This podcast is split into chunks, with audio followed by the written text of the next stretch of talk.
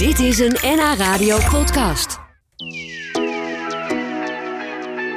2021 was een heftig en bewogen jaar voor iedereen natuurlijk, maar vooral voor mensen die in de zorg werken. Ik keek terug op het jaar met Marco Wisse. Hij is directeur van verpleeghuis en revalidatiecentrum Naarderheem in Naarden. En ook daar is de druk op de medewerkers al heel lang te groot. Ehm, als, als ik kijk hoeveel verschoven diensten, hoeveel uitgestelde vakanties, hoeveel overuren mijn medewerkers in de afgelopen nou, 20 maanden gemaakt hebben.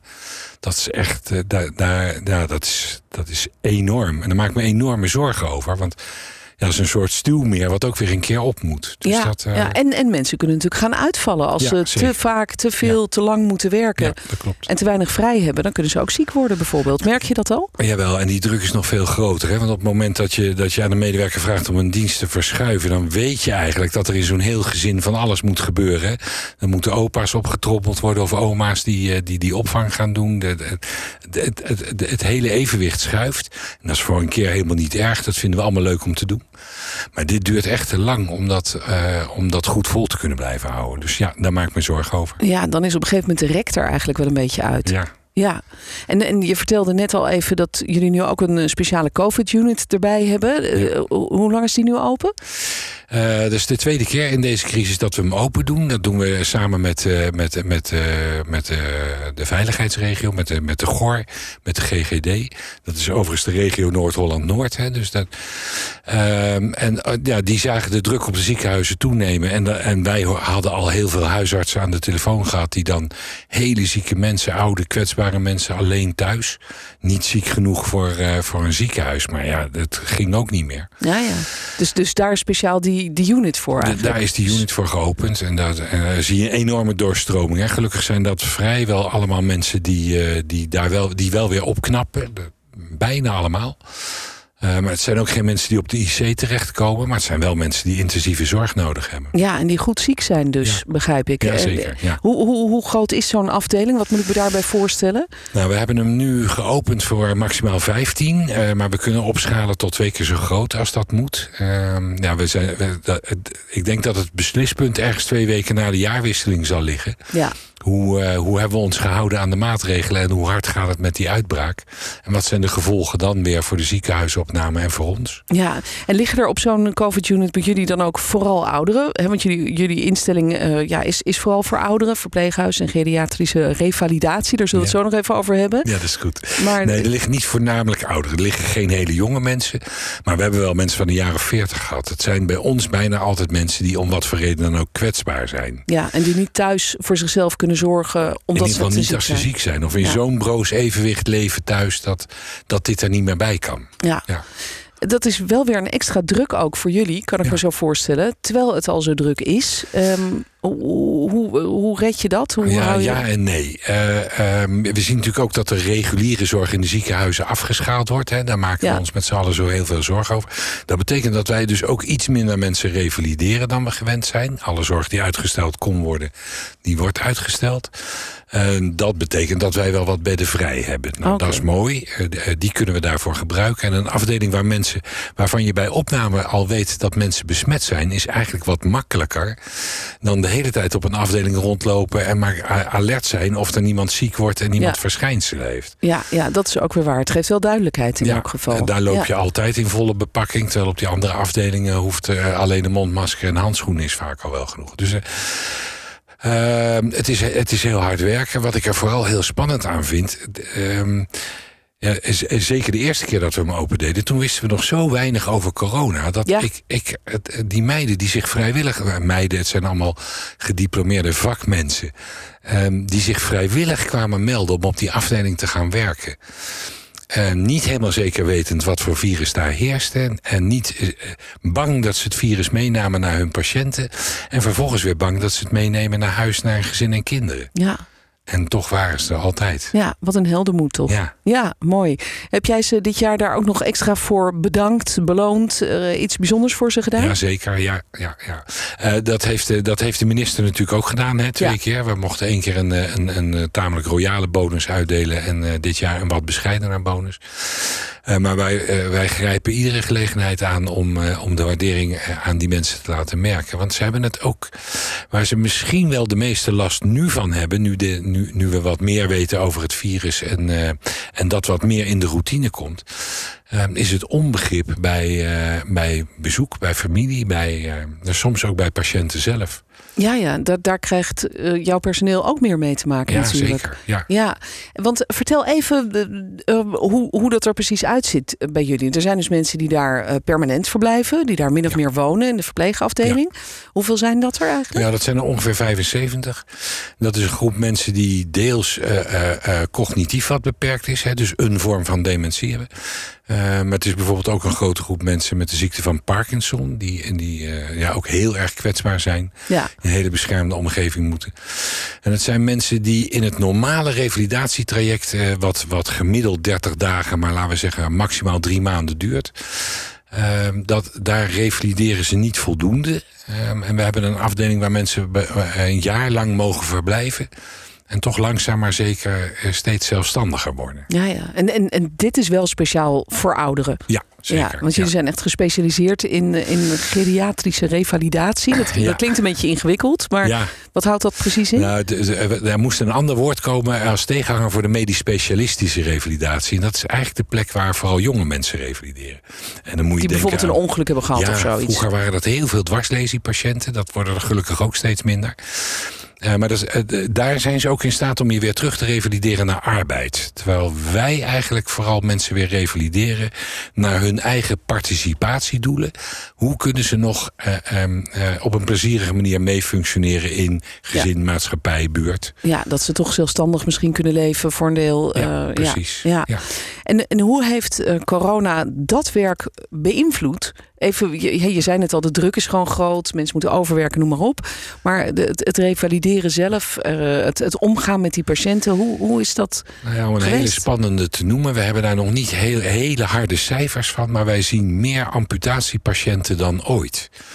En wij hebben toch zo langzamerhand het gevoel dat dat een beetje komt door uitgestelde zorg. Mensen met hele slechte bloedvaten, die moeten natuurlijk eigenlijk constant door de medisch specialist worden, in de gaten worden gehouden om dat, uh, om dat goed te houden. Die mensen zijn kwetsbaar, die hebben zich niet altijd veilig gevoeld om naar het ziekenhuis te gaan, de zorg uitgesteld tot het niet meer kon en te laat was. Dus nou, dan zie je dat wij nauwelijks mensen revalideren voor een versleten heup. Hè, want dat is makkelijk uitstelbaar, dat doet alleen maar pijn. Uh, dat is makkelijker gezegd dan, uh, ja, dat is gevoeld. Maar voor wie dat meemaakt Precies. natuurlijk. Maar, ja. Um, maar we zien nu uh, zeg maar ook wel wat gevolgen van mensen die, die zorg hebben uitgesteld. Of die ongezonder zijn gaan leven, minder Oh, ja. zijn gaan bewegen. Dus ja. Eigenlijk zie je binnen 20 maanden al wat de maatschappelijke gevolgen van zo'n uitbraak van een virus zijn. Jeetje, ongelooflijk. Ja, wat heftig om dat zo, uh, zo heel direct terug te zien in de zorg die Ja, jullie nou bieden. of, ja. Ja. We praten zo nog eventjes uh, verder over het afgelopen jaar. En dan kijken we misschien ook even vooruit naar de toekomst. Praat nog even verder met Marco Wisse. Die is vandaag onze gast. Hij is directeur van een zorginstelling voor ouderen in Naarden. Uh, waar ook gerevalideerd wordt en waar sinds een paar weken de COVID-unit ook weer open is gegaan. Voor mensen die uh, ja, dusdanig ziek zijn dat ze even niet voor zichzelf kunnen zorgen. Maar ja, ze komen ook niet op de IC terecht. Dat is het eigenlijk. Hè? Nee, gelukkig niet. Nee. Um, jullie worstelen net zo goed als in de reguliere gezondheidszorg met uh, de problemen die veroorzaakt worden door corona. Ik kan me voorstellen dat het problemen zijn die je van tevoren niet had kunnen verzinnen eigenlijk. Um, jij bent ook ver verpleegkundige geweest, begrijp ja. ik? Je komt echt zelf uit de zorg. Ja. Uh, heb jij in je werk nu als directeur of ooit als verpleegkundige ooit zo'n grote crisis in de zorg meegemaakt? Nee, nee, zeker niet. Nee, we waren een heel klein beetje voorbereid. Dat is wel een aardige anekdote. Een jaar of vijf geleden was er meneer Jaap van Dissel... met de bestuursraad van, het, van VWS bij ons in huis... om een oefening te doen. Wat nu als er een multiresistente bacterie uitbreekt? Echt? Ehm, ik had toen nog nooit van meneer Van Dissel gehoord. Uh, en die begon die bijeenkomst met... wij beschouwen die multiresistentie van bacteriën... Dus, dus niet meer gevoelig voor antibiotica... beschouwen wij als een grotere gevaar voor de volksgezondheid... dan de, uit, dan de opwarming van de aarde. Jeetje. Inmiddels weten we dat meneer Van Dissel wel vaker bouten uitspraken doet... maar ik was daar nogal van onder de indruk. En wat we daar toen zagen is dat we daar eigenlijk niet op voorbereid zijn. Wat we de afgelopen decennia gedaan hebben... is zorg precies zo organiseren als wat er nodig is. Niet te veel, niet te weinig. Ja. Um, en als dat gebeurt, dan kun je dus eigenlijk geen enkele verstoring van dat systeem meer aan. En dat zagen we toen in die oefening. Um, en dat zagen we nu weer. Ja, Ongelooflijk, inderdaad. Wat, wat toevallig dat hij bij jullie net was met, met zo'n soort ja, oefening. Niet, ja, niet helemaal. Maar Ja. en, en, en, hoogleraar oudere geneeskunde uh, Kees Hertog... Die, uh, die had tot voor kort in Naardenheem gewerkt. Dus Oh, zo, zo kwam dan zo'n lijntje Via, tot via stand. was, Ja. er, ja, was er contact. Ja. En jullie proberen nu op dit moment natuurlijk, eh, de afgelopen anderhalf jaar al, met man en macht om jullie bewoners, patiënten die, die eh, eh, polyklinisch langskomen voor therapie, maar ook jullie medewerkers gezond te houden. Maar je zei net al dat het begrip voor alle maatregelen, de coronamaatregelen, afneemt. Dat er meer agressie is. Wat merken jouw medewerkers daarvan? Nou, ehm, laat ik vooropstellen dat de meeste reacties positief zijn. Hè? Maar die onthoud je wat minder lang dan de, dan de lelijke reacties. Ja, d- eh, vlak voordat ik hier naartoe kwam sprak ik nog even met de receptioniste. En die moest ook weer even een verhaal kwijt van iemand die ongelooflijk boos was. Dat hij een mondmasker op moest wat wij verstrekten. Wij, wij- wij verstrekken goede mondmaskers bij de ingang. Wij zien nogal eens wat mensen met mondmaskers waarvan je denkt... nou, ik Ja. weet precies wat je deze week gegeten hebt. dat helpt niet meer. nou, dan vragen we dat heel erg vriendelijk. En, maar mensen gaan, gaan echt meteen in een soort overdrive eh, worden ze boos. En, ehm, en, en, wat, en mensen zijn ook heel erg geneigd om te zeggen... ja, maar ik, maar ik ben niet bang, ik maak me geen zorgen. Ja, ik ben gezond. Ik ben gezond. Dus mij Eh, ja, niet. dat kan, maar uw vader of moeder woont op een afdeling met twintig anderen. Ehm, en daar zitten ook patiënten die aan mij vragen... meneer Wisse, wilt u het alstublieft veilig houden... en niet te veel bezoek hier toestaan? En nou ja, dat schipperen daartussen, dat is wel ongelooflijk lastig. Ja. En, en dan is Nederland wel een ingewikkeld land. En we hebben als volksaard dat we altijd op zoek zijn naar de grenzen van de regels.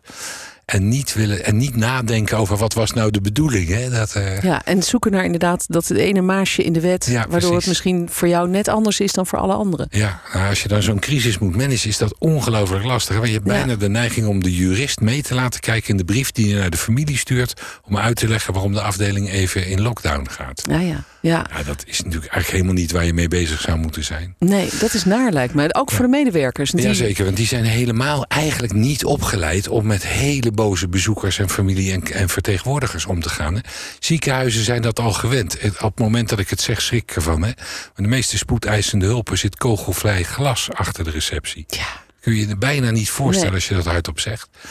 Eh, huisartsen zijn ook al jarenlang gewend. Die trainen zichzelf, die trainen de, de praktijkondersteuners om, om daar goed mee om te gaan. Ja, daar waren wij nog nooit aan toegekomen. Nee, waren? Zijn jullie nu wel daarmee ja, bezig? Ja. Nou ja, we- het eerste wat we gedaan hebben is een, is een opvangteam in het leven geroepen. Om te zorgen dat mensen. Want de eerste reactie is natuurlijk altijd: het valt wel mee. Nee, ik red het wel. En na een paar dagen merk je dat mensen er nog steeds mee rond. Dus we hebben een goed opvangteam met een geestelijk verzorger, een psycholoog, een maatschappelijk werker. die, die de collega's in eerste instantie op kan vangen. Ehm, en we zorgen dat we er zelf zijn. Want het gaat niet gebeuren dat iemand lelijk doet tegen mijn zusters. eh, als ik in huis ben hoor. Nee, toch? Dan spring jij ertussen. Ja, ja absoluut. Ja, daar ben en dat ook hebben we met meer mensen voor. afgesproken. Ja. Van, joh, dat met mensen, we, we snappen de frustratie wel van mensen. We snappen de boosheid. Maar er is geen reden om het op, eh, op zorgverleners af te gaan reageren. Nee, zo is het ook. Dat, dat geldt inderdaad in, eh, in alle regionen van de maatschappij natuurlijk. Blijf Ja. van die zorgverleners, hulpverleners af. Tralies op een brandweerauto. Nou, Ja. Dan, eh, Dan weet je het wel, hè? Ja, bizar. Ja. Heb je, zie jij lichtpuntjes voor het volgende jaar? Kijk je een beetje vooruit en denk je nou... Ja? ja, dat heeft één, één voor, voor, voor een deel te maken met mijn grenzeloze optimisme hoor. Maar Ehm, nee, we, hebben, hebben net in Naderheem eigenlijk de crisisstand afgeschaald. We hebben gezegd, we doen even niet meer aan crisis. We hebben, we hebben nu een uitbraak van een virus. We snappen dat virus, we kennen dat virus... en we weten wat ons te doen staat. We hebben genoeg hulpmiddelen. Dat was in het begin natuurlijk ook helemaal niet zo.